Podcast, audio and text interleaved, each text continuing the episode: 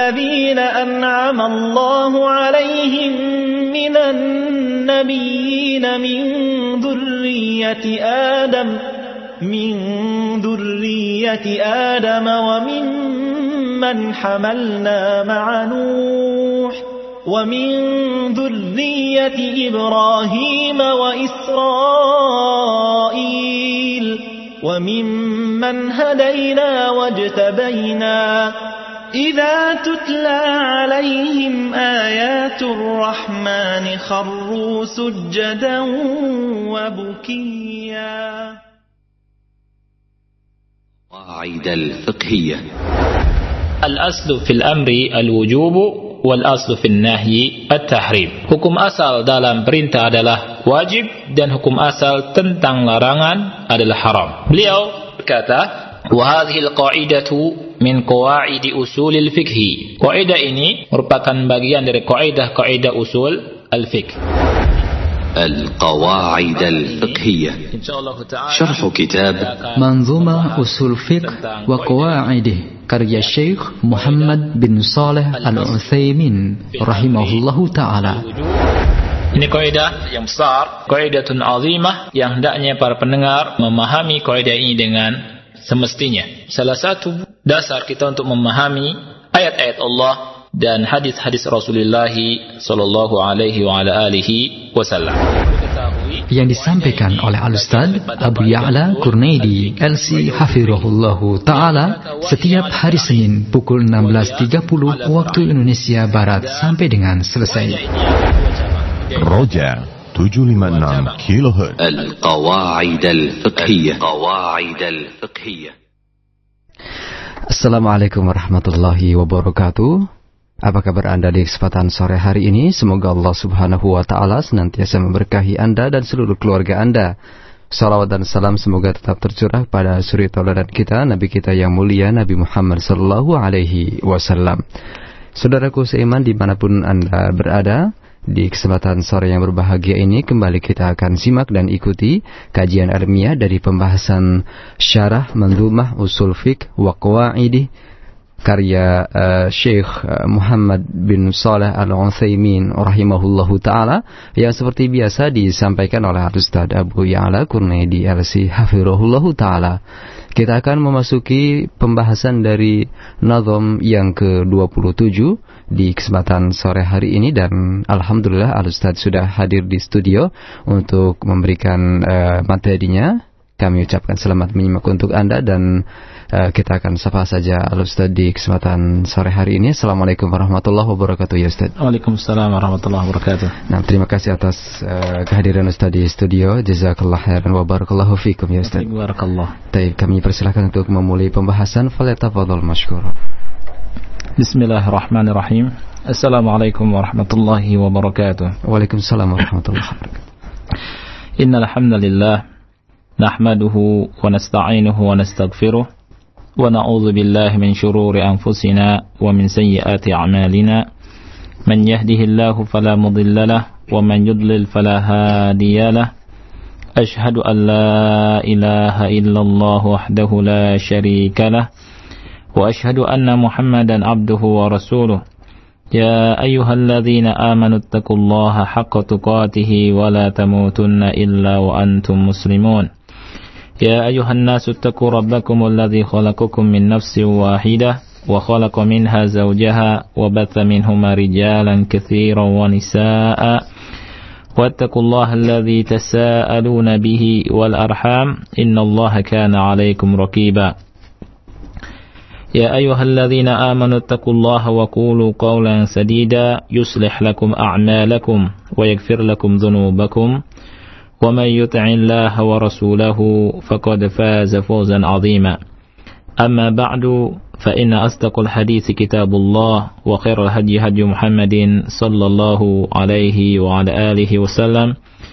وشر الأمور محدثاتها فإن كل محدثة بدعة وكل بدعة ضلالة وكل ضلالة في النار. ثم أما بعد. Ikhwani wa akhwati fillah rahimani wa rahimakumullah Para pendengar Radio Roja di mana pun antum berada Kita akan melanjutkan pembahasan dari mandumah bait yang ke-27 yang mana Syekh Muhammad Ibn Shalih Al-Utsaimin rahimahullahu taala berkata wa kullu fi'lin lin nabiyyi jurrida an amrihi fa ghairu wajibin bada. Ya artinya dan seluruh perbuatan Nabi Shallallahu Alaihi Wasallam yang tidak ada hubungannya dengan perintah, maka maknanya tidak wajib. Maka maknanya adalah tidak wajib. Dan pada pertemuan yang lalu, para pendengar Allah muliakan, kita membahas eh, jenis-jenis uh, dari fiil dari fiil Nabi Shallallahu Alaihi Wasallam dan perlu diingat bahwa dalam bait yang ke-27 ini kita uh, memiliki kaidah annal fi'l al-mujarrada la yadulu 'ala al-wujub. Yang artinya bahwa fi'il yang tidak ada hubungan dengan apa pun, tidak ada hubungannya dengan perintah apa pun, maka tidak menunjukkan makna wajib. Dalam pekan yang lalu kita mengetahui secara global dan jenis yang pertama kita bahas dengan ter terperinci dibacakan penjelasannya dalam pertemuan yang lalu. Dalam pertemuan yang uh, sekarang kita akan membahas jenis yang kedua dari jenis perbuatan Nabi Shallallahu Alaihi Wasallam. Tetapi sebelumnya saya akan ulangi secara ringkas enam jenis dari fiil Rasulullah Shallallahu Alaihi Wasallam. Ada enam jenis dari perbuatan atau fiil Rasul Shallallahu Alaihi Wasallam. Yang pertama adalah perbuatan Rasul Shallallahu Alaihi Wasallam dengan tuntutan dari tabiat beliau sebagai bashar. Yang kedua adalah apa yang diperbuat oleh Nabi Shallallahu Alaihi Wasallam dari sisi adat kebiasaan. Kemudian yang ketiga adalah apa yang diperbuat oleh Nabi yang mulia alaihi salatu karena mengamalkan atau dalam rangka menunaikan perintah Allah Subhanahu wa taala. Kemudian jenis yang keempat adalah perbuatan Nabi Shallallahu alaihi wasallam yang mana secara zahirnya merupakan ta'abbud uh, dalam rangka beribadah kepada Allah Subhanahu wa taala. Kemudian jenis yang kelima dari perbuatan Nabi Shallallahu alaihi wasallam adalah perbuatan yang diperselisihkan apakah itu bagian daripada adat kebiasaan atau merupakan ibadah. Kemudian yang keenam di antara perbuatan Nabi Shallallahu Alaihi Wasallam adalah apa yang diperbuat oleh Nabi Shallallahu Alaihi Wasallam, tetapi ini merupakan khususiyah, kekhususan dari perbuatan Nabi Shallallahu Alaihi Wasallam.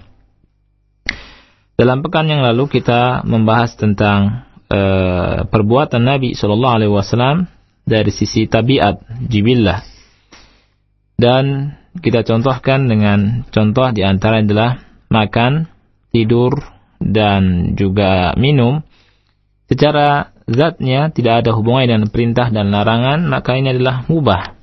Ya. Kemudian kita akan bahas sekarang halaman yang ke-112 tentang al-qismus jenis yang kedua dari perbuatan Nabi Shallallahu alaihi wasallam yang ditinjau dari sisi adat kebiasaan.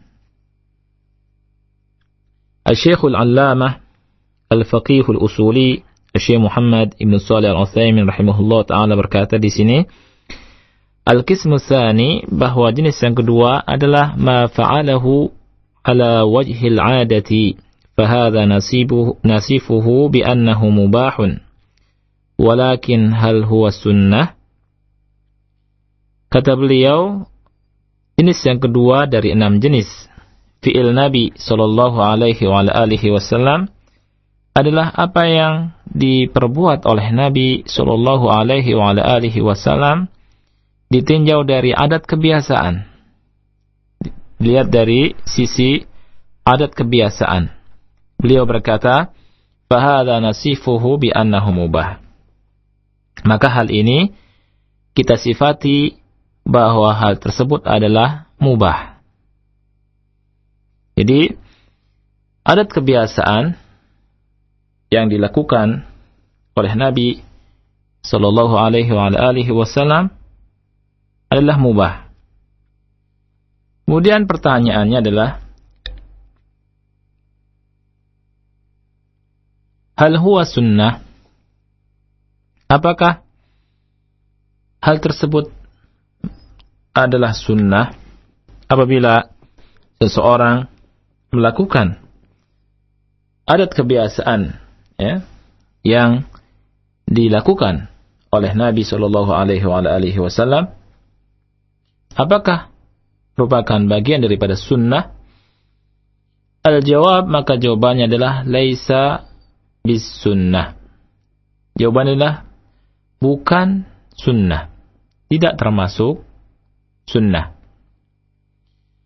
Bal sunnatu fi'lul adati fil makan alladhi anta fih wal zaman alladhi anta. Bahkan atau tetapi sunnahnya adalah melakukan adat kebiasaan di tempat yang engkau berada di dalamnya dan di saat atau pada zaman yang engkau berada di situ. Malam tukhalifus syar'a. Selama adat kebiasaan itu tidak menyelisihi dari syariat. Selama yang namanya adat istiadat, adat kebiasaan ini tidak menyelisihi syariat. Karena adat kebiasaan itu ada dua. Ada yang menyelisihi syariat dan tentunya adalah hukumnya haram dilakukan. Ada istiadat, ada adat istiadat yang tidak menyelisih syariat, maka ini tidak mengapa. Bahkan ada ada kaidah al-'adatu muhakkamah. Walihada lau qala qailun.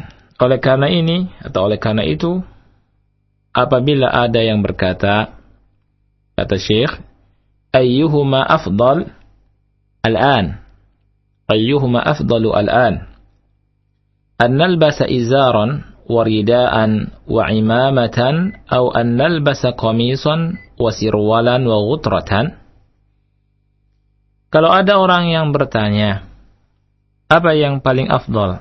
Kita pakai sarung, kemudian rida dan imamah, atau kita pakai komis atau gamis, kemudian celana, dan gutrah. Gutrah penutup kepala. Ini kata beliau, kalau ada yang bertanya seperti ini, bagaimana jawabannya? Karena kita tahu bahwa Nabi Shallallahu Alaihi Wasallam pernah Bahkan seringnya memakai izar, rida dan imamah. Imamah kalau bahasa kita adalah udang-udang. Atau kita pakai gamis ya, yang kemudian di dalamnya pakai celana, kemudian pakai gutrah. Al-jawab Al-thani kata beliau, jawabannya adalah yang kedua, yaitu kita pakai gamis, pakai celana, dan pakai gutrah. Beliau berkata li anna hadha huwa sunnah karena ini adalah sunnah. Dan perlu diketahui ini contoh yang dibawa oleh Syekh Muhammad SAW di daerah beliau di Saudi karena kebiasaan manusia pada zaman sekarang di Saudi ya dan kebanyakan di Timur Tengah itu adalah memakai gamis, celana dan gutrah. Dan kita tahu pada zaman Nabi Shallallahu Alaihi Wasallam Rasul sering menggunakan memakai imamah, pakai udang-udang atau sarung, izar, ya, dan rida. Dan di sini beliau bertanya, eh, beliau berkata kalau ada orang yang berkata, mana yang paling afdal sekarang ini, pakai eh, izar, kemudian pakai rida dan imamah seperti Nabi SAW, atau sekarang pakai gamis, kemudian sirwal, celana di dalamnya, dan gutrah. Jawaban beliau adalah, Al-jawab tsani li'anna hadha huwa sunnah. Jawabannya yang kedua, karena ini merupakan sunnah. Kenapa demikian? Beliau berkata fasunnatu fil libasi takunu fil jinsi au an-naw' la fil ain. Takunu fil jinsi au an-naw' la fil ain. Dan sunnah dalam masalah pakaian adalah dalam jenisnya secara umum atau naw' ya secara umum bukan fil ain, bukan model tertentu. Ya. Jadi memakai pakaian sunnahnya adalah dalam jenis pakaiannya. Jenis pakaiannya. Dan sesuai dengan adat kebiasaan manusia yang di zamannya dan di tempat tersebut. Ya, bukan dari ain, dari bentuk model tertentu. Ya. Beliau berkata, وَذَلِكَ بِأَنْ يَكُونَ الْإِنسَانُ مُوَافِقًا لِلْعَادَةِ فِي لِبَاسِهِ وَهَيْئَتِهِ لِأَنَّهُ لَوْ خَالَفَ الْعَادَةَ صَارَ لِبَاسُهُ شُهْرَةً وقد نهى النبي صلى الله عليه وعلى آله وسلم عن لباس الشهرة وذلك dan hal tersebut adalah seseorang hendaknya berpakaian sesuai dengan adat kebiasaan pada pakaiannya dan hayahnya, bentuknya dengan adat yang ada. Karena apa kata beliau?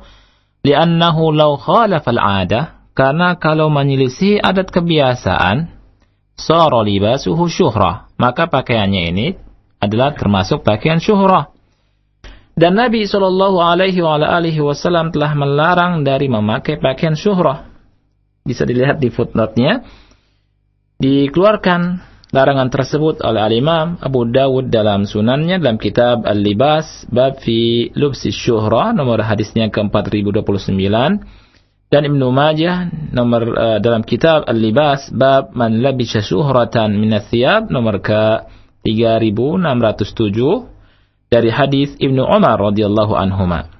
Bahwa Ibnu Umar berkata bahwa Nabi sallallahu alaihi wasallam bersabda man labisa atau man labisa thawba syuhratin fid dunya albasahu Allahu thawba madhallatin yaumal qiyamati summa ulhiba fihi nara.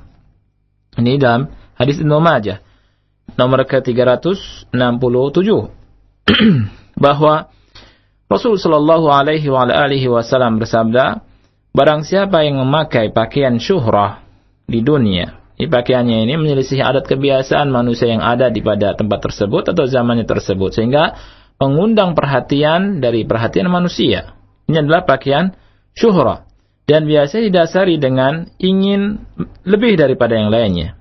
Entah karena dia ingin dianggap lebih kaya, kemudian memakai pakaian yang syuhrah, pakaian yang berbeda sendiri dengan adat kebiasaan manusia yang ada, atau sebaliknya, sebagian orang ingin memakai dengan pakaian yang agar dipandang pakaian zuhud. Ya. Orang melihatnya dia zuhud. Pakaiannya robek-robek dan compang-camping dan seterusnya. Dan itu disengaja. Maka ini adalah masuk ke pakaian syuhrah.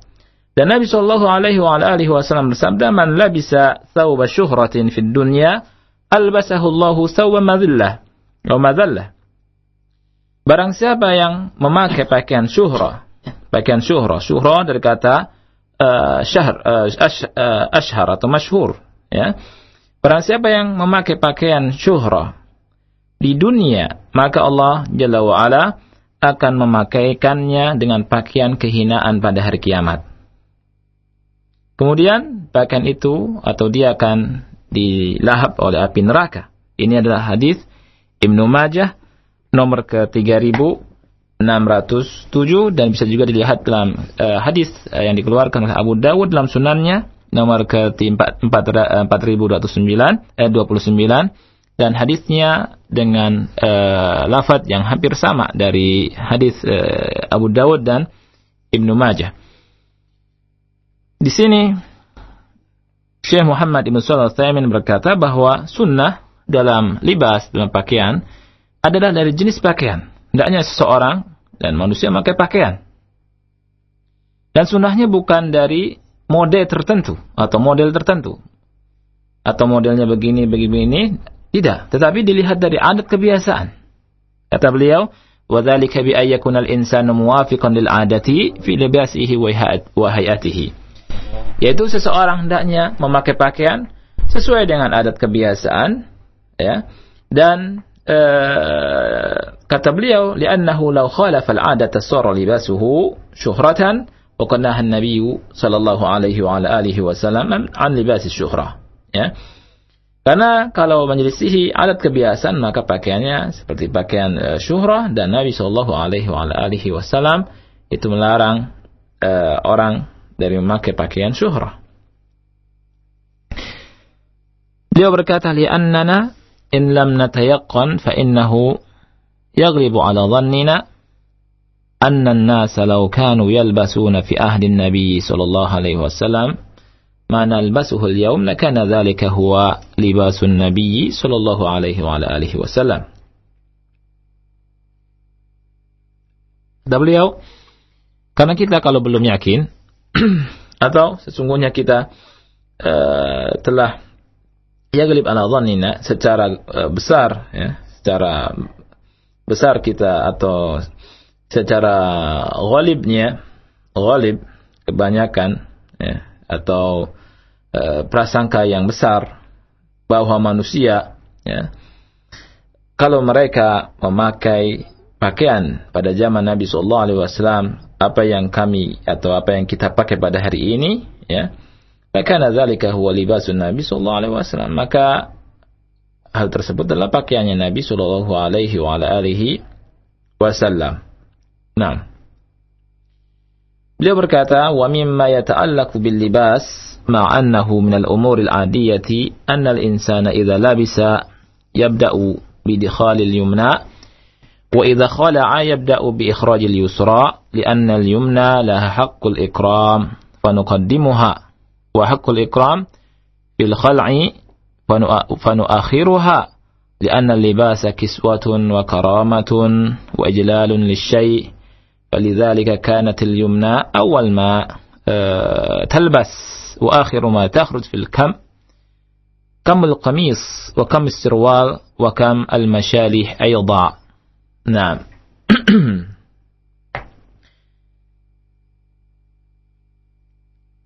Di sini dikatakan di antara hal yang berhubungan dengan masalah pakaian ya ma'anahu minal umur al-adiyah walaupun pakaian tersebut merupakan bagian dari perkara adat kebiasaan manusia bahwa seseorang apabila berpakaian hendaknya mulai dengan berpakaian dengan memasukkan dari tangan kanan. Pakai pakaian, masukkan dari tangan kanan, kemudian tangan kiri. Ya. Dan apabila melepas baju, melepas pakaian, maka hendaknya tangan kiri dulu dilepas, ya. Kemudian baru tangan kanan. Mengapa demikian? Li'anna al-yumna la haqqul ikram, fanuqaddimuha. Karena tangan kanan ini dia memiliki hakul ikram. Ada hak untuk dimuliakan dari tangan kiri, lebih dimuliakan. Oleh karena itu, tatkala untuk memakai pakaian, dia didahulukan untuk dipakai. Dipakaikan pakaian. Dan hakul ikramnya waktu hak dimuliakannya tangan kanan waktu pakaian dilepas dari kita adalah kita melepaskan pakaian ini dari tangan kiri dulu. Nah, baru kemudian tangan kanan. Ya. Lianna libas karena pakaian itu adalah kiswah, penutup. Juga karamah, merupakan kemuliaan. Wajlal lisyai dan merupakan ijlal, ya. Ijlal lisyai artinya pengagungan terhadap sesuatu, memuliakan sesuatu. Jadi dari sini kita tahu para pendengar Allah menyatakan bahwa Islam itu memuliakan manusia. Islam juga memuliakan perempuan, para wanita. Agar wanita itu memakai jilbab, ditutup. Bukannya malah telanjang. Bukannya malah membuka auratnya.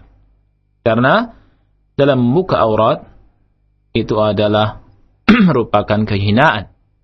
Dan merupakan penghinaan. Dan bagaimana kita juga mengetahui iblis, la'natullah alaih, berusaha terus menggoda Adam dari surga untuk keluar dari surga ya sehingga terbukalah auratnya. Dan pada zaman sekarang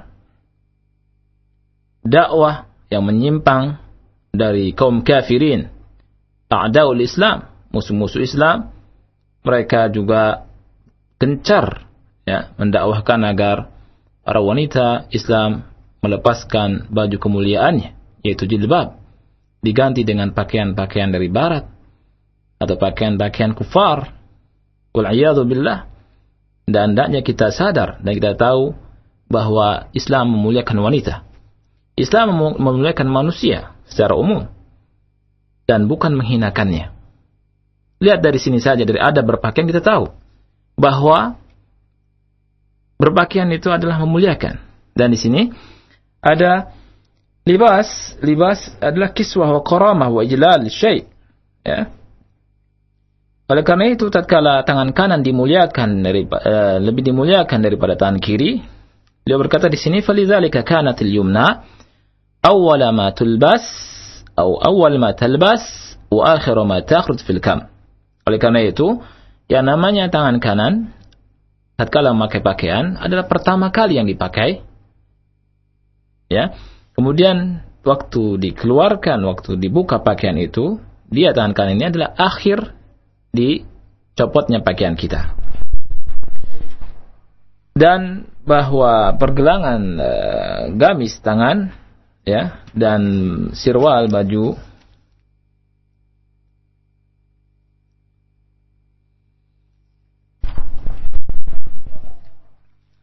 Kemudian juga wakamul masyalih, masyalih di sini adalah mantel. Ya, masyalih itu adalah artinya mantel. Ya, ini hendaknya kita perhatikan tatkala memakai semua pakaian ini. Kita dahulukan yang kanan, ya. Kemudian tatkala dilepas, kita dahulukan yang kiri, kemudian diakhirkan yang kanan. Baik.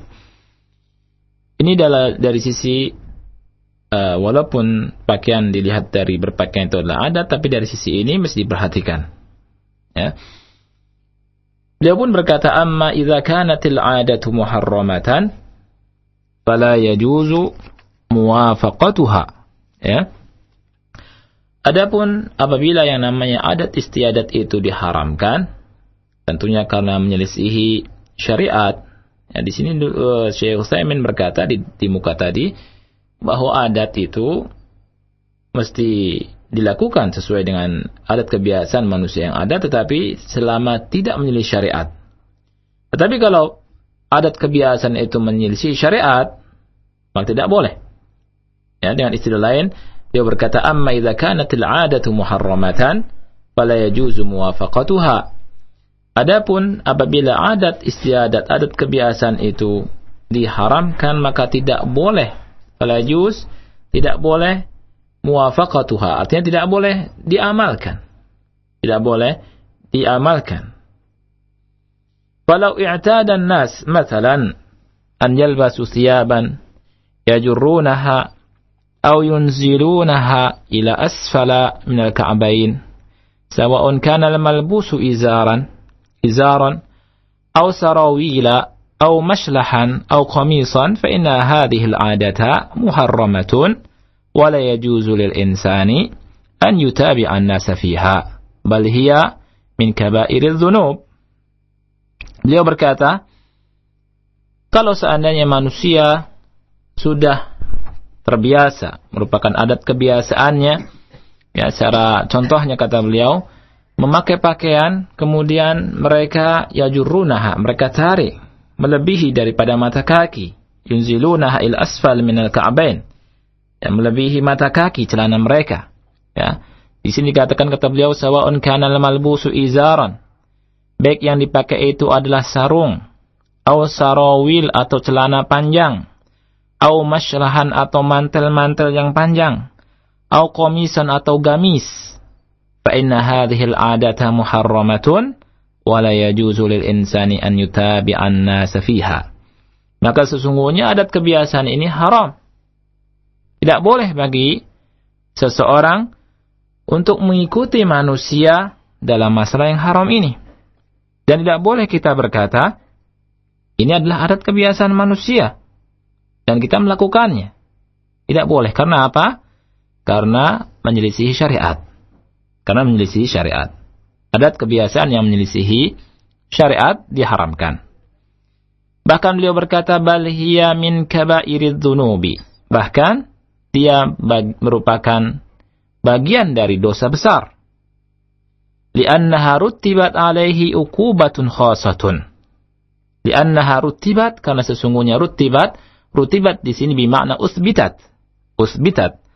Karena telah ditetapkan padanya ada ukubah yang khusus adanya iqab, sanksi, azab yang Allah siapkan bagi orang yang memakai pakaian dengan pakaian isbal, istilahnya, yang artinya adalah melebihi mata kaki. Beliau berkata, فَإِنْ جَرَّ ثِيَابَهُ خُيَلَاءَ فَعُقُوبَتُهُ أَنَّ اللَّهَ لَا يُكَلِّمُهُ وَلَا يَنْظُرُ إِلَيْهِ يَوْمَ الْقِيَامَةِ وَلَا يُزَكِّيهِ وَلَهُ عَذَابٌ أَلِيمٌ Kata beliau, apabila ya apabila seseorang memakai pakaian sampai menutupi mata kaki jarosya bahu karena khuyala karena sombong maka ukubahnya sanksinya azabnya nanti adalah bahwa Allah tidak akan mengajaknya berbicara dan Allah tidak sama sekali memandangnya. Wala yanzuru ilai. Allah jalla wa ala tidak akan memandangnya pada hari kiamat nanti. Wala yuzakkihi. Dan tidak juga akan disucikan oleh Allah Subhanahu wa taala. Walahu adzabun alim. Bahkan justru orang tersebut akan mendapatkan azab yang pedih. Ini orang yang memakai uh, celana atau pakaian yang melebihi uh, mata kaki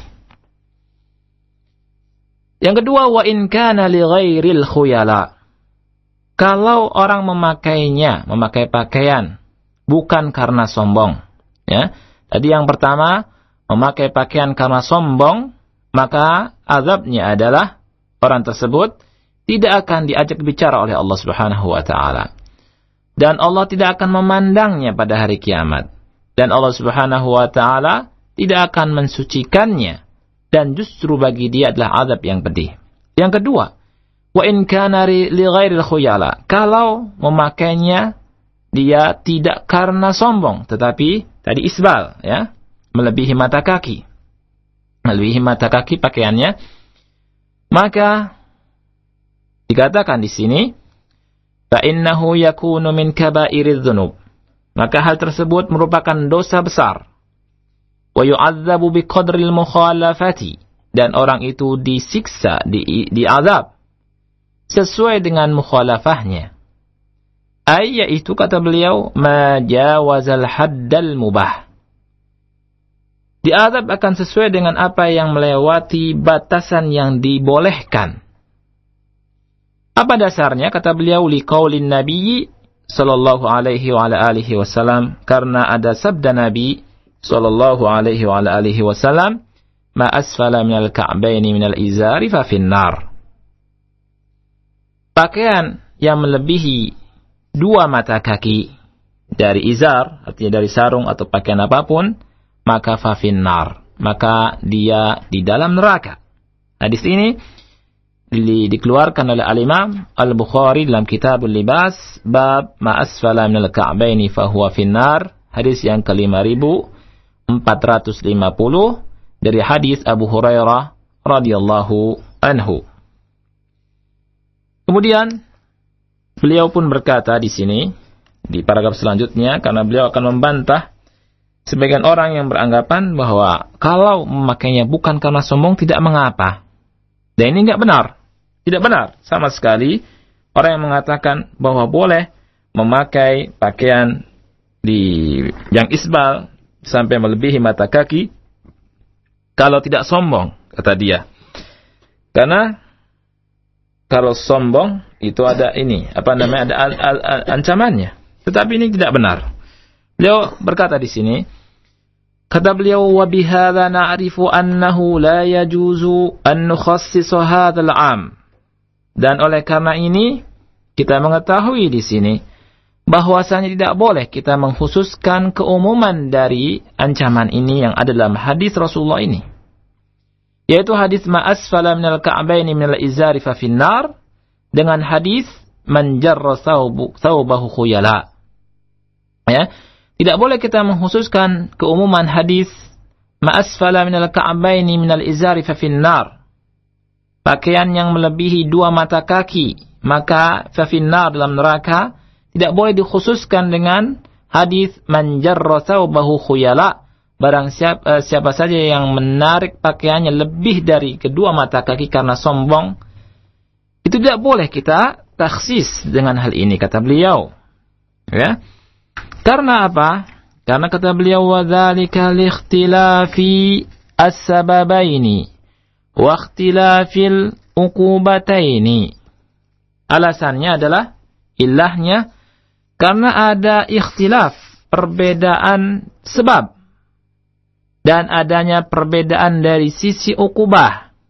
Adanya perbedaan dari ukubah, dari azab yang diterima oleh orang yang memakai pakaian lebih dari dua mata kaki.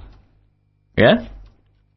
Kalau karena sombong, maka azabnya akan diperoleh adalah Allah Subhanahu wa taala akan eh, tidak akan mengajaknya bicara pada hari kiamat nanti.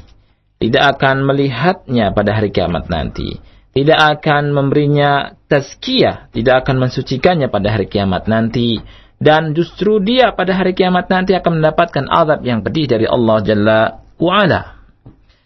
Kemudian, ukubah dari orang yang melakukan atau berpakaian lebih dari dua mata kaki dengan dasar bukan sombong adalah fafinnar dalam neraka.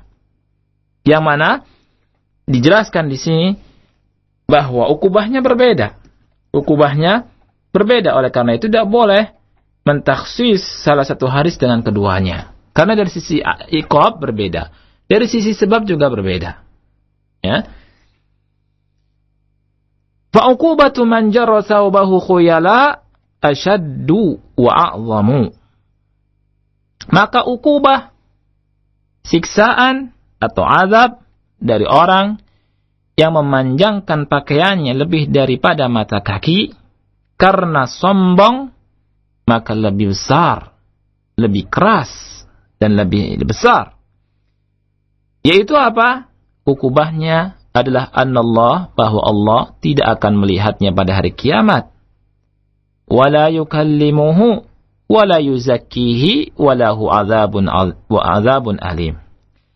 Ukubahnya adalah Allah Subhanahu wa taala tidak akan melihatnya pada hari kiamat tidak akan mengajaknya bicara, tidak akan mensucikannya, dan dia pada hari kiamat nanti akan mendapatkan adab yang adab yang pedih.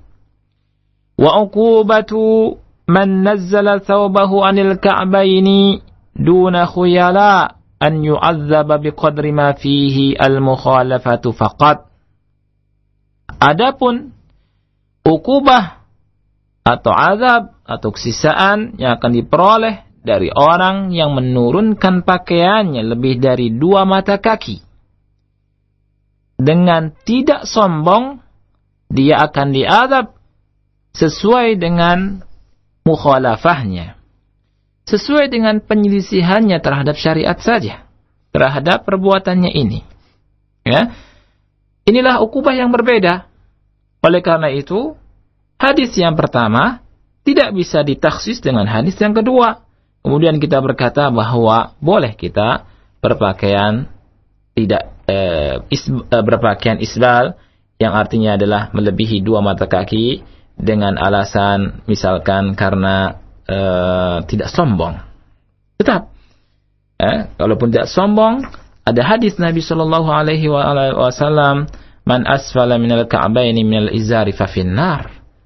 Bahwa Rasulullah SAW dengan lisan yang mulia beliau bersabda bahwa siapa saja yang berpakaian lebih daripada dua mata kaki maka dia dalam neraka dan hadis yang uh, karena sombong uh, azabnya adalah lebih pedih daripada hadis yang tadi. Nah.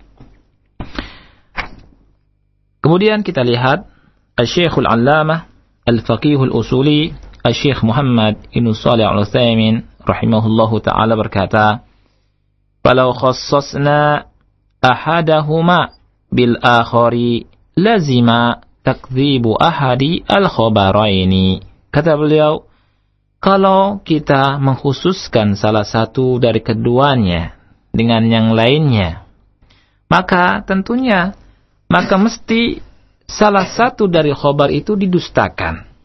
Akan terjadi ini. Ya, akan terjadi pendustaan dari salah satu khobar. Kalau misalkan salah satunya dikhususkan. Kenapa demikian? Beliau berkata, وَذَلِكَ لِخْتِلَافِ ini.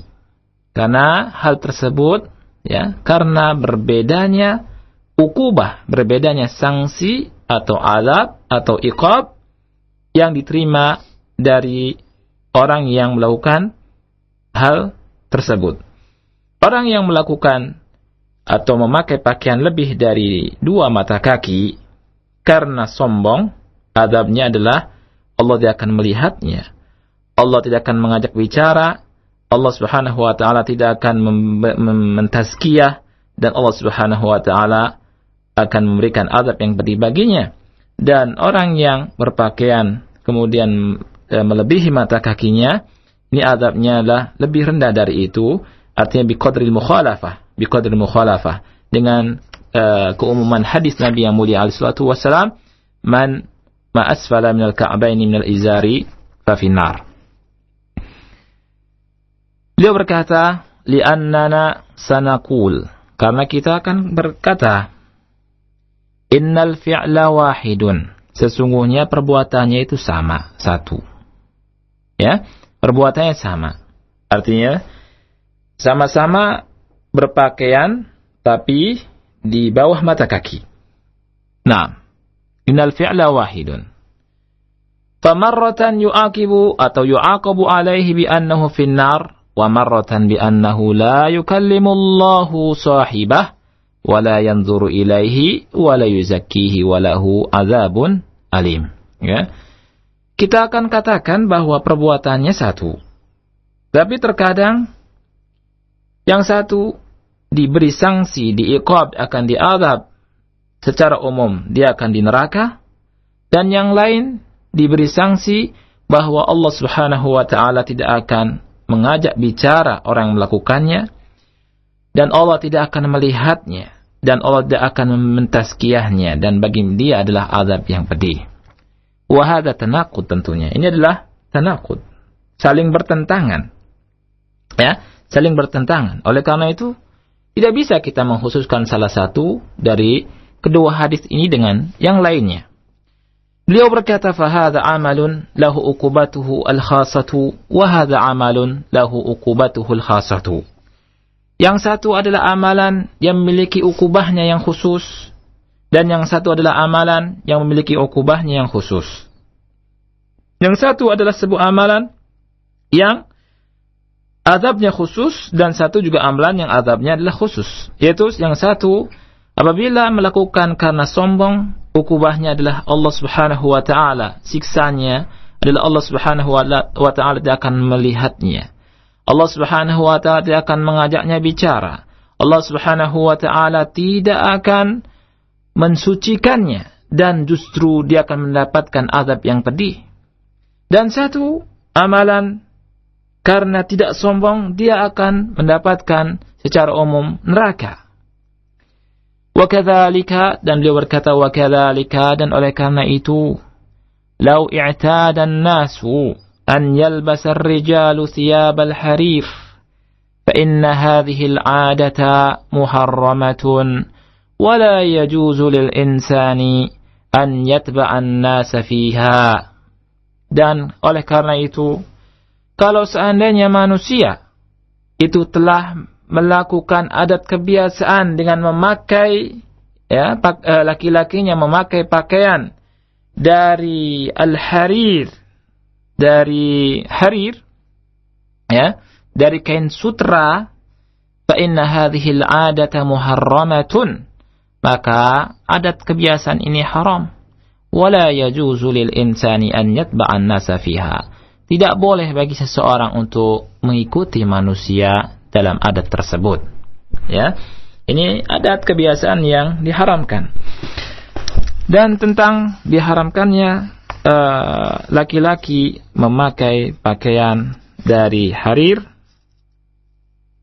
dari sutra adalah seperti sabda Nabi yang mulia alaihi salatu wasalam dalam sebuah hadis yang diriwayatkan oleh Al-Imam Al-Bukhari nomor ke-5462 dan Imam Muslim nomor ke-2069 dan lafadznya lafadz Imam Muslim dari Umar bin Khattab radhiyallahu anhu beliau berkata bahwa Rasulullah sallallahu alaihi wa ala alihi wasallam bersabda La talbasul harira fa inna man labisahu fid dunya lam yalbashu fil akhirah.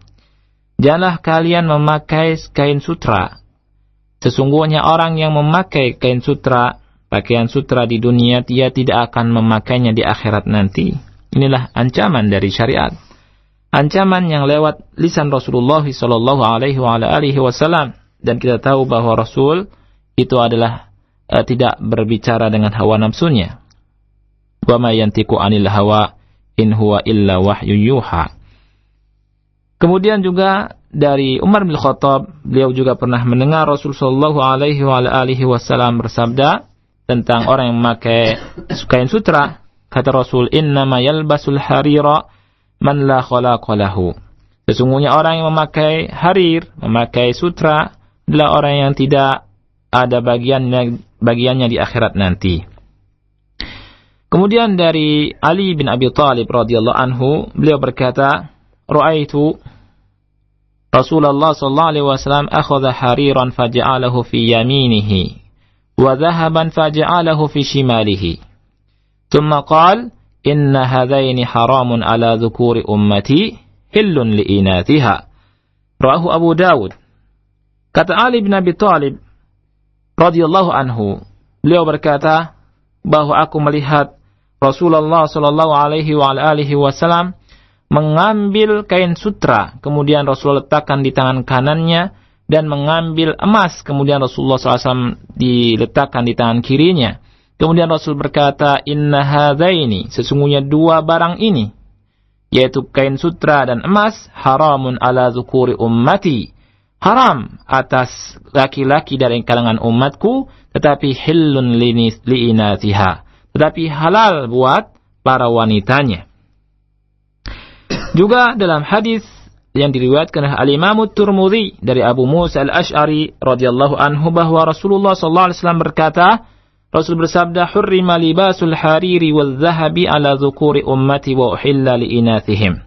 Diharamkan berpakaian memakai uh, kain sutra dan emas bagi laki-laki dari umatku, tetapi dihalalkan bagi wanita-wanita mereka. Ya.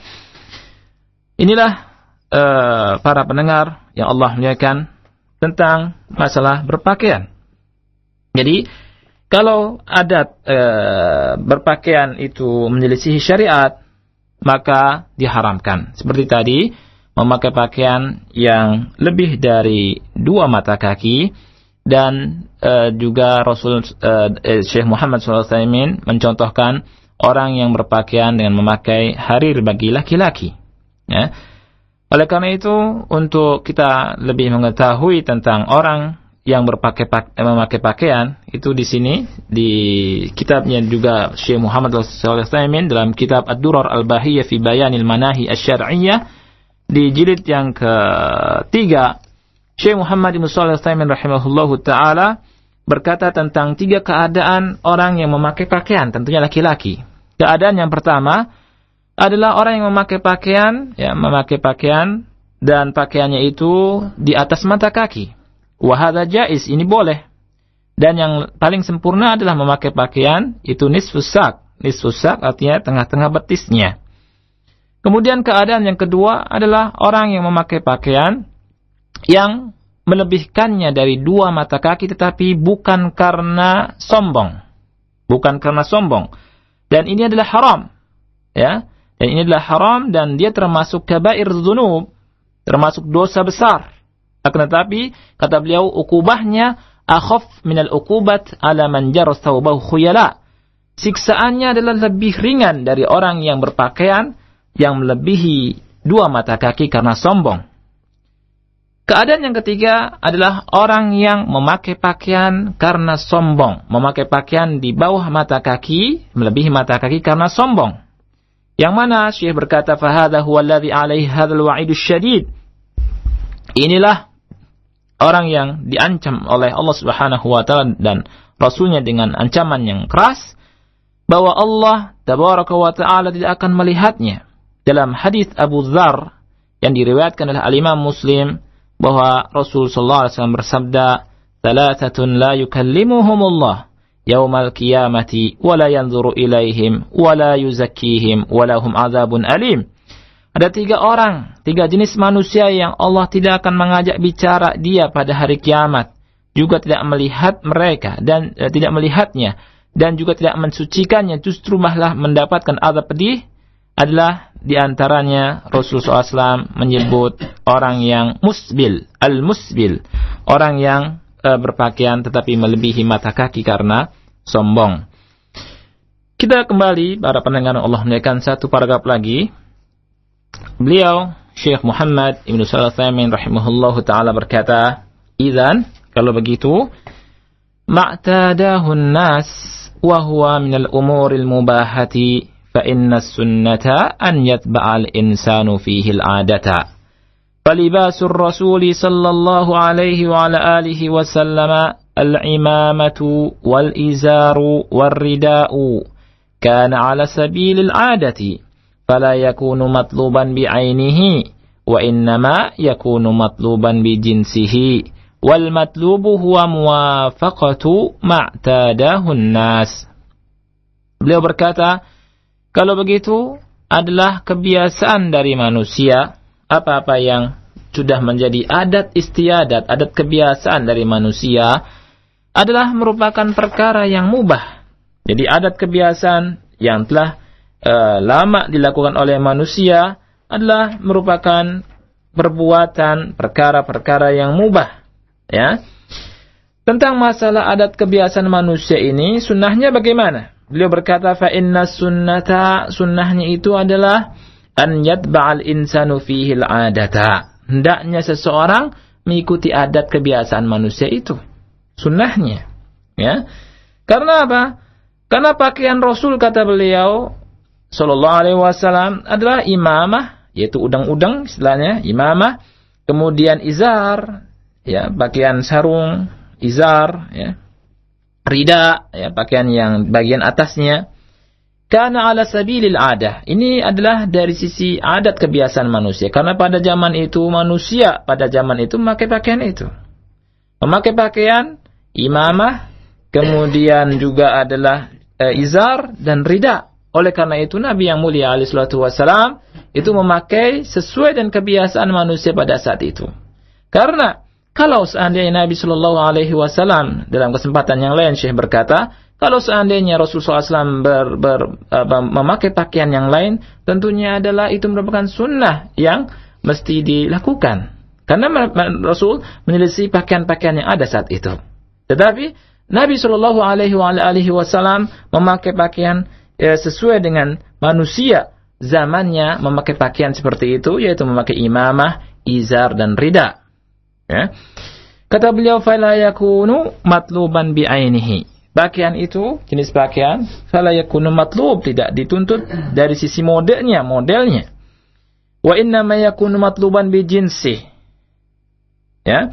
Pakaian itu dituntut dari jenis pakaiannya. Jenis pakaiannya. Berpakaian manusia hendaknya berpakaian. Tetapi yang tidak menjadi syariat tentunya. Wal matlub dan yang dituntut dari manusia adalah muwafaqatu ma'tadahun nas adalah memakai pakaian atau sesuai dengan adat kebiasaan dari manusia. Selama adat kebiasaan dari manusia itu tidak menyelisihi syariat. Inilah para pendengar yang Allah muliakan. Dari uh, jenis yang kedua dari fiil Nabi, fiil Ar-Rasuli sallallahu alaihi wa alihi wasallam yang diperbuat atau yang dilakukan oleh Nabi sallallahu alaihi wasallam dilihat dari sisi adatnya. Dilihat dari sisi adatnya dan ini adalah mubah-mubah saja, ya. Dan dia apakah sunnah, ya? Apakah uh, memakai seperti Rasulullah SAW itu sunnah atau mubah? Kata beliau, adalah bukan sunnah. Tetapi yang sunnahnya adalah kita memakai pakaian sesuai dengan adat kebiasaan yang ada. Kalau itu adalah dari sisi adat, ya. Dan ingatnya uh, dan tidak sesuai dengan uh, dan hendaknya adatnya yang tidak bertentangan dengan syariat, ya. Ini adalah yang kedua dan insya Allah Taala dalam pertemuan-pertemuan berikutnya Bismillah Jalla wa'ala kita akan melanjutkan fiil-fiil Rasul yang lain ya sehingga kita mengetahui dengan ilmu dengan basirah dan kita bisa membedakan mana yang uh, ini adalah betul-betul kita mesti lakukan ya dan mana yang uh, mubah-mubah saja kita boleh berbeda tentunya dengan yang lainnya uh, dan bukan bagian dari sunnah dan dengan mengetahui hal ini atau kaidah ini kita akan lebih dewasa dan kita akan mengetahui mana yang tidak ada toleransi dan mana yang kita mesti toleransi. Nah, mungkin itu saja wallahu a'lam bishawab ya. Kita serahkan kepada nah. Akhfawas. Nah. nah, terima kasih untuk Ustaz jazakallah khairan atas pembahasan yang sangat menarik dan sangat bermanfaat yang beliau sampaikan dari penjelasan uh, nazam yang ke-27 hingga pembahasan uh, Kismus Thani tadi selesai kita simak. Dan selanjutnya khotal Islam uh, penjelasan dari kisah yang lainnya insyaallah kita akan simak dan ikuti di kesempatan uh, pekan mendatang. Dan berikut ini kita akan buka sesi tanya jawab kita akan uh, memberikan kesempatan dan mengundang interaksi Anda di kesempatan sore hari ini. Untuk bertanya secara langsung kepada beliau melalui telepon 0218236543 atau melalui pesan singkat di 0819896543 yang tentunya eh, pertanyaan Anda agar lebih bermanfaat disesuaikan dengan tema dan pembahasan kita di kesempatan sore hari yang berbahagia ini. Kita angkat untuk yang pertama Ustaz dari nah. penelpon terlebih dahulu. Halo. Assalamualaikum. Waalaikumsalam warahmatullahi Dari mana dengan siapa Bapak? Abdurrahman di Bekasi. Silakan, nah. Abdurrahman. Ya, mengenai Isbal ini ada bagaimana dengan pendapat yang menyatakan bahwa uh, dilarang isbal khusus memang karena sombong gitu. Jadi kalau udah tidak sombong berarti tidak dilarang dan mungkin dulu adatnya tuh orang uh, uh, uh, sahabat orang-orang dulu itu memakai pakaian itu memang karena sombong gitu loh. Karena ingin memanjang-manjangkan gitu loh. Kalau si saat sekarang ini kan mungkin yang dipanjang-panjang itu udah tidak ada gitu ya dan tidak ada unsur sombong di di di dalam uh, pemanjangan uh, pakaian gitu. Iya. Itu bagaimana Ustaz? Terima kasih. Nah. Assalamualaikum. Waalaikumsalam warahmatullahi wabarakatuh. Terima kasih. Silakan. Nah, alhamdulillah. Wassalatu wassalamu ala Rasulillah wa ala alihi wa ashabihi wa man wala wa la hawla wa la quwwata illa billahi amma ba'd.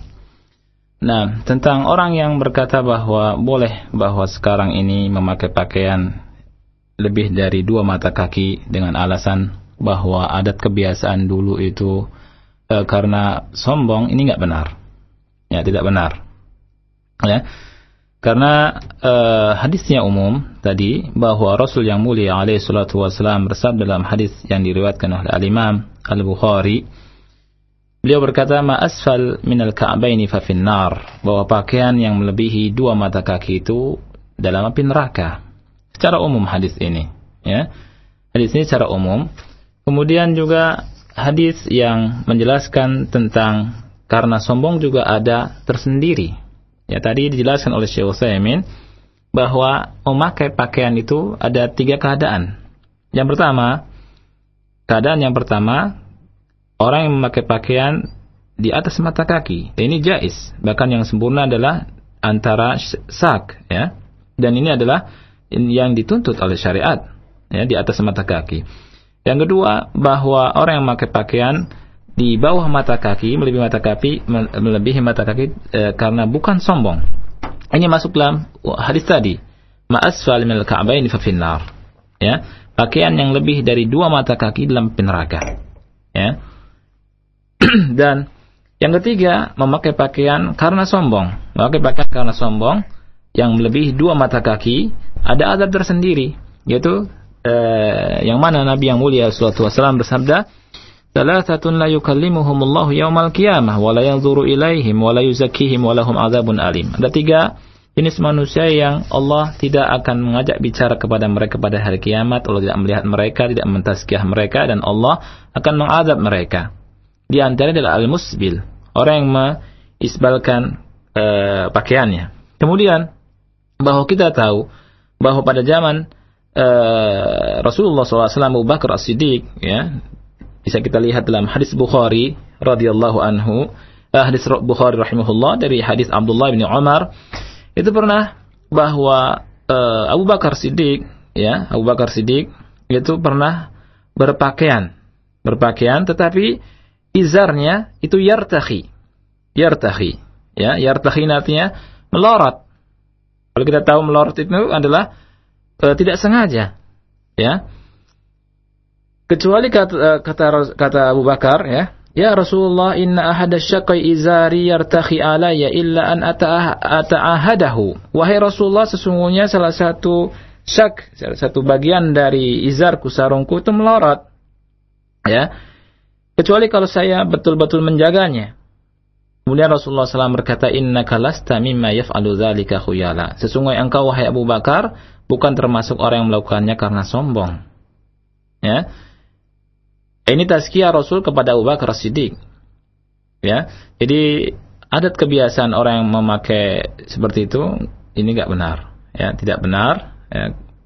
Dikatakan karena adat kebiasaan adalah e, lebih dari mata kaki dan zaman sekarang ini adalah boleh tidak benar karena umum hadisnya, ya. Dan kita tahu bahwa uh, orang yang mengatakan kalau kita memakai uh, pakaian lebih dari mata kaki itu karena kalau tidak sombong itu tidak apa-apa, berarti itu adalah orang yang sombong. Syekh bin Bas berkata, orang yang berkata tidak mengapa kalau tidak sombong kita lebih dari mata kaki. Ini adalah orang yang sombong. Orang ini adalah orang yang sombong. Karena uh, dari mana dia tidak uh, apa namanya tidak sombong? Eh?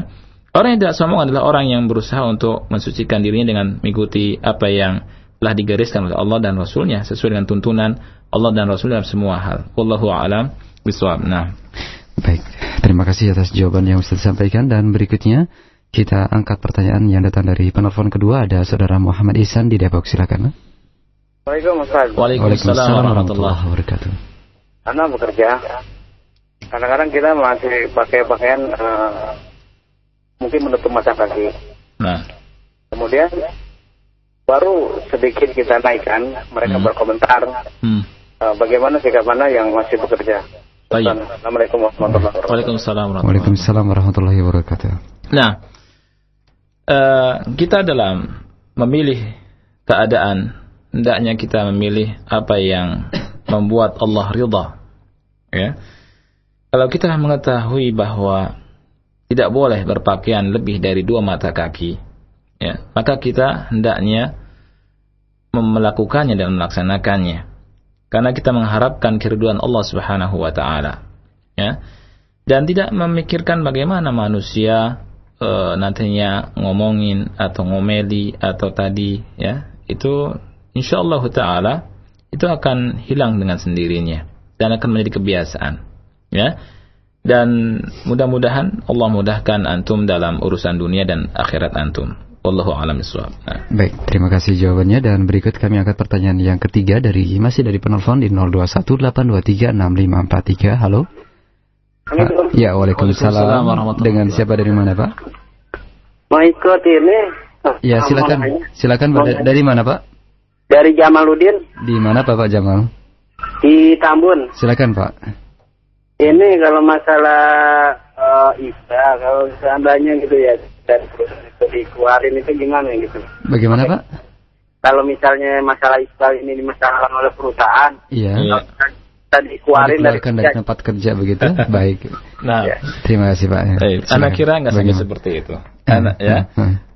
Anda yakin insya Allah nggak sampai seperti itu. Karena hmm. tidak ada hubungannya antara isbal dengan baiknya pekerjaan atau tidak. Iya, ya, kalau misalkan diancam, tidak bapak datang dengan baik-baik ya kepada orang yang itunya, kepada orang muslim, bawakan uh, perkataan Allah, perkataan Rasul, ya dan katakan bahwa ini adalah sunnah Nabi yang mulia Wasallam dengan baik-baik dan insya Allah saya kerja lebih baik dan seterusnya dan seterusnya insya Allah tidak ada masalah insya Allah nah, nah, nah, semoga Allah berikan kemudahan ya untuk nah, Bapak tadi iya. baik eh, kita angkat pertanyaan yang datang dari pesan singkat yang sudah banyak sekali masuk Ustaz nih iya. berkaitan dengan eh, pakaian ya saja ya. iya. dari Bapak Andri di Jakarta yang bertanya ya Ustaz fenomena ketika seorang uh, Muslim mendapatkan hidayah hidup di atas sunnah, nah. kebanyakan dari mereka serta merta merubah uh, penampilan dengan menggunakan jubah atau pakaian-pakaian Pakistan, uh, India dan sebagainya yang tentunya berlainan dengan adat kebiasaan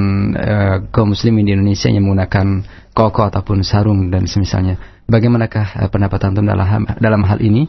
Uh, manakah yang lebih bijak bagi seorang muslim yang tentunya baru belajar um, nah. apa mengenal sunnah kemudian serta merta mengubah penampilannya sehingga dipandang negatif oleh masyarakat sekitarnya. Terima kasih Ustaz.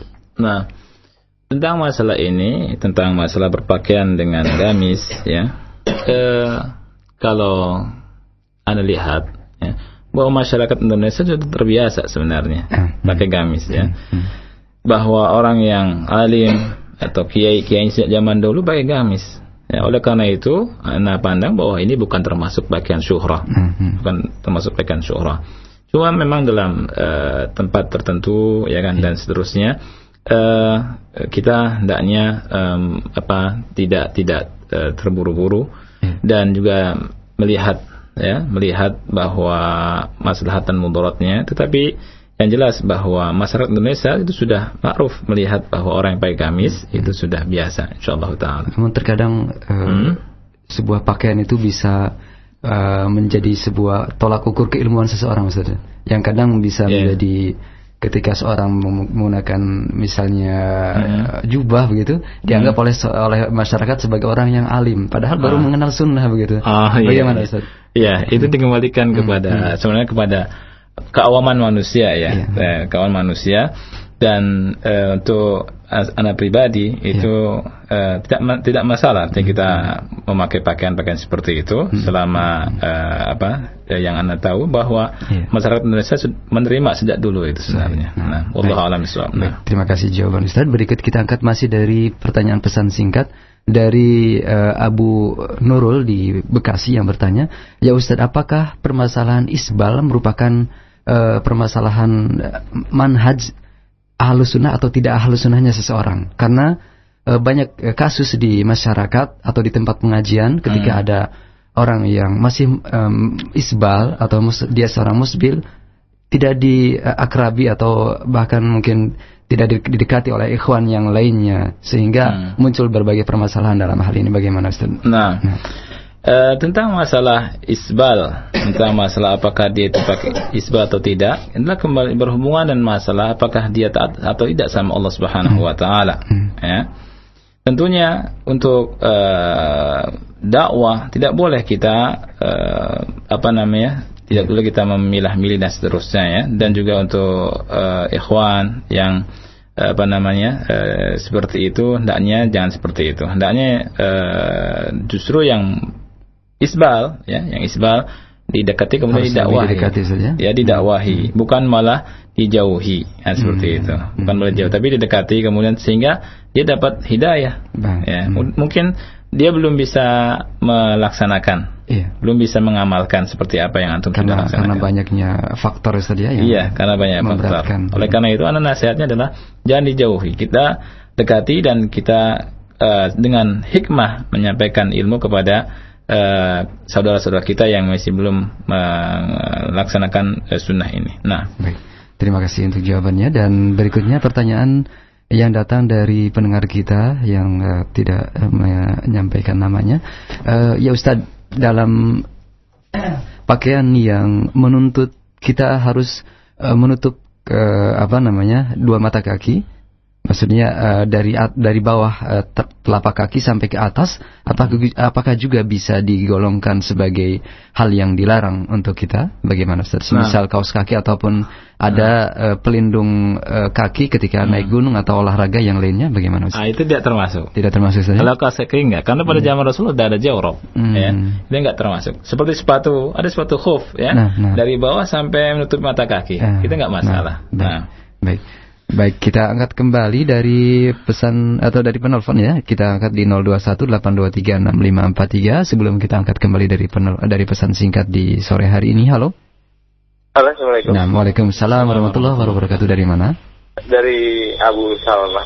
Iya, silakan Pak. Silakan Pak Abu Salma. Ya, Assalamualaikum Ustaz. Waalaikumsalam warahmatullahi wabarakatuh. Uh, Ustaz, ini mengenai pakaian tadi ya, yang gamis dan sejenisnya. Iya. Itu ketika, ya pengalaman pribadi Ustaz ya, ketika hmm. mengenakannya gitu. Iya. Uh, plus pakai pecinya juga. Hmm. Memang saya setuju sama Ustaz bahwa itu pakaiannya memang sudah umum Ustaz ya. Iya. Tapi ketika mereka bilang kita ustadz itu yang kita berat. Iya, iya, ya begitu ya. Ini bingung gitu gitu gitu. Aduh. Sementara keilmuan kita juga masih ya, ya. rendah pak ya. Ya, hmm. itu kadang-kadang di masjid ada beban berat. Lah, apa ya kita ya, mereka ya. menganggap baik kita. Gitu. Masya Allah, Masya Allah. Apa namanya disuruh jadi imam, tapi ketika seperti itu jadi wah gimana ya? Ya mohon penjelasannya gitu Ustaz. Nah. Ya, Assalamualaikum. Waalaikumsalam warahmatullahi Iya kasus-kasus seperti ini banyak Ustaz. Uh, Bahkan nah. di perjalanan atau di angkutan umum juga banyak kejadian seperti iya, ini. Iya iya Bagaimana? Oleh karena itu nah. ada istilah apa ya? In nabika khairan fasadik dhannahu. Hmm. Kalau ada orang yang menyangka antum baik, maka buktikan buk, uh, apa namanya zonnya ya, uh, prasangkanya hmm. Taib. dengan cara apa dengan cara kita tuntut ilmu hmm. tuntut ilmu sehingga kita uh, semakin bertambah ilmu kita sehingga insya Allah kita bisa siap di mana pun untuk uh, seperti jadi jadi jadi imam ya. atau tatkala ditanya insya Allah hmm. kita punya kesiapan untuk menjawabnya dan seterusnya. Hmm. Baik, adapun tentang pakaian saya kembali lagi bahwa pakaian itu kembali ke adat istiadat memang Ya, ini yang dirojehkan oleh Syekh Muhammad Ibn Salih al Al-Faqih Al-Usuli rahimahullah taala. Beliau mengatakan kembali ke adat manusia di situ. Ya. Uh, kembali ke adat manusia di situ artinya nggak mesti kita pakai pakai eh, seperti yang di Arab kan gitu atau uh, Pakistan tetapi kita pakai pakaian yang nutup aurat kemudian longgar ya kemudian longgar tidak sempit ya ya sempit membentuk tubuh untuk uh, paha dan seterusnya kemudian sholat juga tidak sopan di hadapan Allah SWT artinya pakai pakaian yang normal kemudian tidak isbal dan pakaian itu adalah bisa diterima oleh masyarakat sesuai dengan adatnya. Hmm. ya wallahu alam nah. terima kasih jawabannya. Dan kita angkat dari penelpon yang berikut. Ada Bapak Suhadi di Jatinegara. Silakan Pak. Assalamualaikum Pak Ustaz. Waalaikumsalam warahmatullahi wabarakatuh. silakan. Yang saya mau tanyakan iya. tentang pembacaan ayat suci Al-Quran pada pembukaan acara-acara. Iya. Apakah itu ada dasarnya, Ustaz? Hmm, baik. Cuma itu saja. Baik, terima kasih terima Pak Suhadi. Nah. Iya. Nah, Waalaikumsalam warahmatullahi wabarakatuh. Waalaikumsalam warahmatullahi wabarakatuh. Jawabannya adalah hal ini persis pernah ditanyakan kepada Syekh uh, Ali Hasan Al-Athari Al-Halabi hafizahullah taala di beberapa pertemuan uh, yang lalu di Malang ya di uh, waktu beliau ya membuka acara kemudian ada di antara panitia yang memulai dengan membaca Al-Qur'anul Karim ya dan beliau mengatakan ini bukan bagian daripada bid'ah bukan daripada bid'ah dan boleh ya sewaktu-waktu misalkan acara kita dibuka dengan pembacaan Al-Quran Al-Karim. Mm-hmm. Beliau membawa, membawakan bahwa ada para atau sebagian sahabat ya melakukan seperti itu.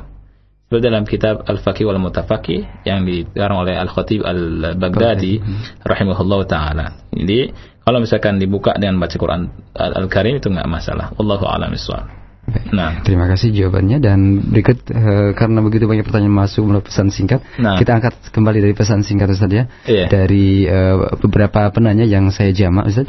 Yeah. Uh, ya Ustaz, banyak di antara kaum muslimin yang memandang bahwasanya uh, uh, pakaian uh, muslimah saat ini, akhwat-akhwat yang sekarang ini dipakai merupakan salah satu uh, pakaian suhra karena dari sisi uh, model kemudian dari sisi warna yang uh, seperti hitam semua itu mencolok uh, pemandangan bagaimana Ustaz menanggapi nah, hal ini? Hmm. Ah itu tidak benar ya. Hmm. Pakaian syuhra itu mesti diketahui dengan benar ya. Apa definisinya? Pakaian syuhra adalah ya pakaian yang uh, mengundang perhatian orang karena syuhranya berbedanya dengan yang lainnya. Ima tadi dari sisi dia untuk melebihkan diri dia dari yang lain atau dari sisi karena dia e, pura-pura uh, tawadu, pura-pura orang yang zuhud, ya ingin dipandang zuhud oleh manusia, ya. Jadi itu pakaian syuhrah.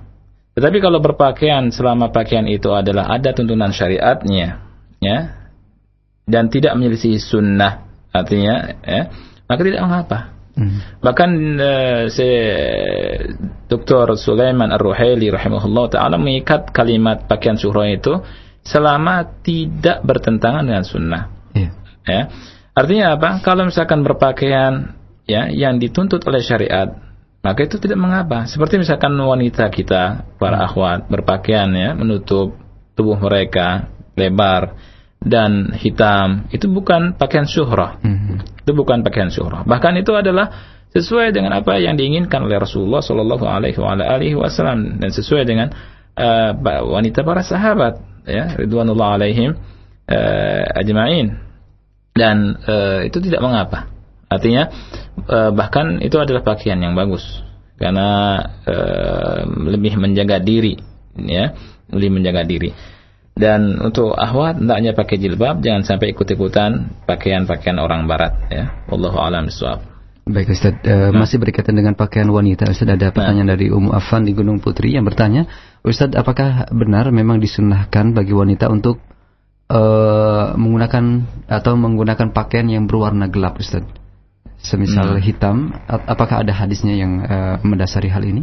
Allahu a'lam bishawab. Nah. nah, baik kita angkat masih dari pertanyaan yang datang dari pesan singkat dari Pak e, Jito di Jakarta.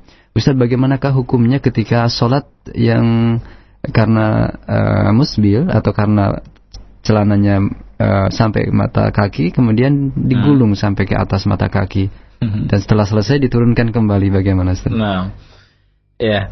Yeah orang ini adalah uh, tidak paham sebenarnya. Tidak ada perbedaan ya. Apakah dalam sholat atau di luar sholat. Hendaknya kita uh, memakai pakaian itu tidak melebihi batas mata kaki kita. Ya, karena ancamannya adalah seperti itu. Dan uh, memang ada hadis yang berkenaan dengan masalah tersebut. Ya, tetapi hendaknya orang yang berpakaian hendaknya jangan sampai uh, setelah sholat kemudian dilepas lagi asal digunting saja kan digunting hmm. kemudian dijahit dengan rapi ya dijahit dengan rapi mudah-mudahan uh, Allah Subhanahu wa taala memberikan rahmat dan keduaan kita kalau kita betul-betul mengamalkan apa yang digariskan oleh Rasulullah dan oleh Allah Jalla wa oleh Allah dan Rasulnya sallallahu alaihi wasallam. Nah, nah, baik, terima kasih dan uh, masih kita ada waktu untuk uh, eh, 8 menit ke depan saja. Nah. Dari uh, saudara Anto di Dumai Riau yang bertanya, Ustadz berkaitan dengan memakai baju koko ya Ustadz yang yeah. saat ini ma'ruf di uh, kaum kita ini mm. apakah uh, uh, memasuk apa masuk ke dalam syarat-syarat uh, uh, dari pakaian yang uh, di, sesuai syariat yeah. ataukah menyelisihi menyelisihi sunnah mengingat suri tauladan kita dalam berpakaian juga adalah Rasulullah Shallallahu alaihi wasallam. Nah, Barakallahu bagi penanya. Bagus sekali pertanyaannya. Tentunya kalau kita menyimak tadi dari awal tentang uh, apa yang dirojehkan oleh Syekh Muhammad bin Shalih rahimahullah taala tentang pakaian adalah kembali kepada adat istiadat, adat kebiasaan manusia. Pada zaman Rasul sallallahu alaihi wasallam Rasul biasa memakai izar, memakai rida dan memakai imamah ya kitanya udang-udang ya. Yeah. Dan sekarang di Saudi sendiri itu kebanyakan orang pakai uh, gamis, komis istilahnya, kemudian pakai sirwal celana hmm. di dalamnya hmm. ya kemudian pakai gutroh yeah. ya itu dan beliau waktu berkata di sini kalau ada orang yang berkata kata beliau kalau ada orang yang berkata ya yeah. apa yang paling afdol pakai izar rida dan imamah seperti Rasulullah pada zamannya yeah. atau pakai kita pakai komis pakai gamis pakai sirwal dan pakai gutroh yeah. dia berkata yang afdol adalah yang kedua dan itu merupakan sunnah yeah. karena apa karena sunnahnya adalah pakaian itu hendaknya sesuai dengan adat manusia di situ. Hmm. Ya, karena takut syuhrah. Adapun uh, pakaian uh, baju koko dan itu adalah ma'ruf di Indonesia dan tidak mengapa, ya. Pakai baju koko dan uh, tidak syuhrah insyaallah taala. Wallahu a'lam bishawab. Baik, uh, kemudian pertanyaan yang berikutnya dari Ari di Cikarang, Ustaz. Ustaz, uh, banyak memang uh, hal-hal yang dinilai menjadi sebuah uh, ciri karena dari sisi pakaian Ustaz. Banyak nah. di antara uh, kita ikhwah yang menggunakan uh, celana plus double sarung Ustaz. Dan hmm. hal ini dipandang sebagai ciri khas dari pemuda salafiyin. Bagaimana menanggapi hal ini Ustaz? Nah, uh, celana sarung ya. Nah, balapan begitu saja. Balapan ya. Tapi untuk uh, untuk apa kita semua hendaknya memperbaiki apa hmm. yang uh, kita lakukan ya. Sekarang dan hendaknya kita intinya adalah pakaian itu hendaknya bersih kan gitu kan. Hmm. Kemudian rapi ya kata beliau juga ya bersih, rapi dan nanti insya Allah eh, beliau juga akan membahas eh, ini diulang di tempat yang yang kelima tatkala apakah adat dan kebiasaan itu beliau ulang sedikit lagi tentang masalah ini. Hmm. Uh, jadi uh, itu adalah uh, apa namanya uh, bukan bagian dari ciri salafin sebenarnya ya. Yeah. bahwa berpakaian seperti itu ya dan tentunya uh, adalah kebiasaan saja ya kebiasaan hmm. saja dan uh, bukan bagian dari ciri salafin. Allah alam nah. Baik, terima kasih untuk yang berikutnya. Uh, kita angkat pertanyaan dari Pak Prapto di Bandung misalnya. Mohon diulas kembali Ustadz uh, mengenai celana yang pas dengan mata kaki. Apakah diperbolehkan? Karena mungkin untuk melebihi hmm. atau untuk di atas mata kaki uh, banyak hal-hal yang belum siap mungkin. Bagaimana Ustadz? Um, saya pernah mendengar kaset dari ceramahnya Syekh Nasiruddin Al-Albani rahimahullah taala tentang beliau menjelaskan ada seorang anak yang e, dimarahi oleh orang tuanya karena ingin menghidupkan sunnah. Anak ini memakai pakaian e, celana di tengah sak ya. Hmm, kemudian ya ini susah kemudian dinasihati oleh Syekh Nasr Al Albani rahimahullah taala untuk menggabung keduanya bisa diturunkan sampai ke e, mendekati mata kaki. Seperti itu. Hmm, jadi boleh Ustaz iya asal jangan lebih. Nah Wallahu a'lam bishawab Kemudian kita angkat pertanyaan yang datang dari uh, Bapak Suharyono ya, Nam di Jakarta. Ustadz, apakah uh, permasalahan isbal juga uh, berlaku bagi pakaian, maksudnya bagi baju, Ustaz? Apakah dari hmm. dari lengan uh, baju nah, tersebut bagaimana, Ustaz? Uh, hal ini pernah ditanyakan kepada Syekh Soleh Muhammad Sulaiman dan beliau menjawab, "Nah, iya, termasuk ya bahwa lengan itu masuk Kata beliau, fa inna ba'dhan nas yakunu indahu khuyala fil akmam. Ya. Kata beliau, e, sebagian manusia dia punya sombong, punya dasar kesombongan waktu pakai pakaian ya, e, lengannya itu besar, lebar, wasi'an ya. E, dan ini bagian e, dari sombong dan beliau katakan itu adalah masuk kepada hal tersebut. Wallahu a'lam bishawab. Baik Ustaz, uh, tampaknya pertanyaan tadi adalah pertanyaan terakhir untuk pertemuan nah. di kesempatan sore hari ini dan di ujung atau di penutup kajian ini uh, kami persilakan untuk menutup dan memberikan kesimpulan akhir silakan Ustaz. Baik. Uh, para pendengar radio Roja yang dimuliakan oleh Allah Subhanahu wa taala, kita tadi pada kesempatan ini membahas tentang jenis yang kedua dari fiil-fiil Rasul sallallahu alaihi wasallam dari perbuatan-perbuatan Rasulullah sallallahu alaihi wasallam.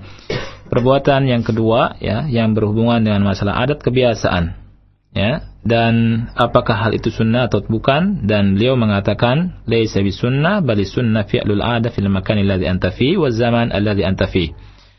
Bukan termasuk sunnah tetapi sunnahnya adalah melakukan perbuatan yang sesuai, sesuai dengan adat kebiasaan manusia di tempat itu dan pada zaman tersebut selama tidak menyelisih syariat.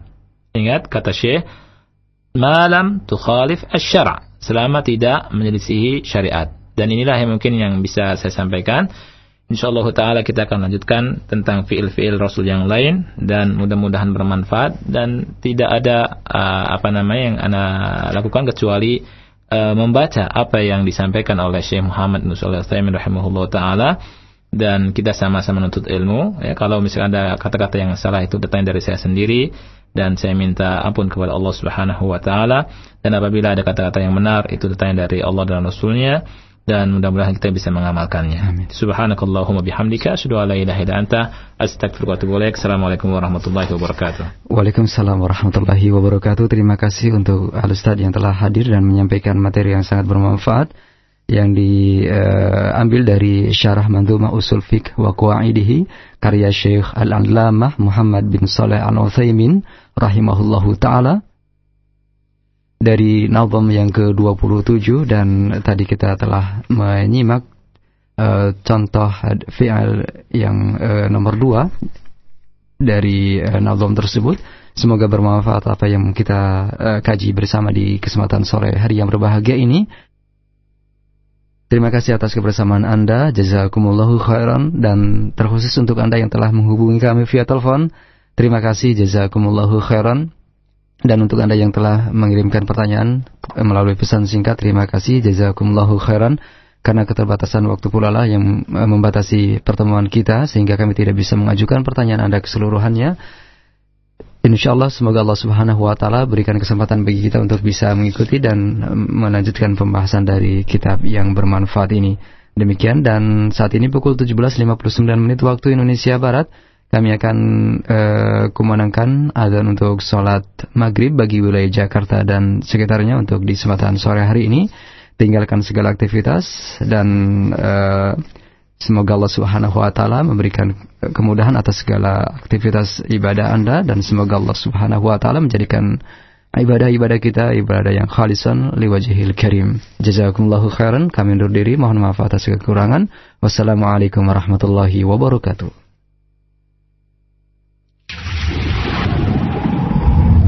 أفلا يتدبرون القرآن؟ أفلا يتدبرون القرآن ولو كان من عند غير الله لوجدوا فيه اختلافا كثيرا. رجع enam كيلو هرتز للذاكرين والذاكرات. إذاعة القرآن الكريم. Saudaraku seiman masih ada uh, satu menit sebelum kami kumandangkan azan salat maghrib bagi wilayah Jakarta dan sekitarnya. Kami akan sampaikan satu informasi kajian ilmiah yang bisa anda agendakan untuk di akhir pekan ini. Untuk yang uh, berikut ini beri, uh, hadirilah kajian ilmiah yang disampaikan oleh Ustaz Yazid bin Abdul Qadir Jawas hafizahullah taala pada Sabtu di akhir pekan ini pagi jam 9 waktu Indonesia Barat sampai dengan menjelang zuhur dari pembahasan materi jangan dekati zina yang beliau sampaikan Al Ustaz Yazid bin Abdul Qadir Jawas hafizahullah taala di Masjid Ukhuwah Islamiyah Universitas Indonesia Depok. Kajian diselenggarakan terbuka untuk umum bagi kaum muslimin dan muslimat dan untuk informasi yang lebih lengkapnya Anda bisa dapatkan di 085711551530 atau untuk eh, kontak person akhwat di 0857 1987 9010 0857 1987 9010 Demikian Hotel Islam satu info kajian. Semoga bermanfaat kita simak di kumunan kenyataan untuk sholat maghrib bagi wilayah Jakarta dan sekitarnya. An Abdullah bin Amr bin Al-As radhiyallahu anhumah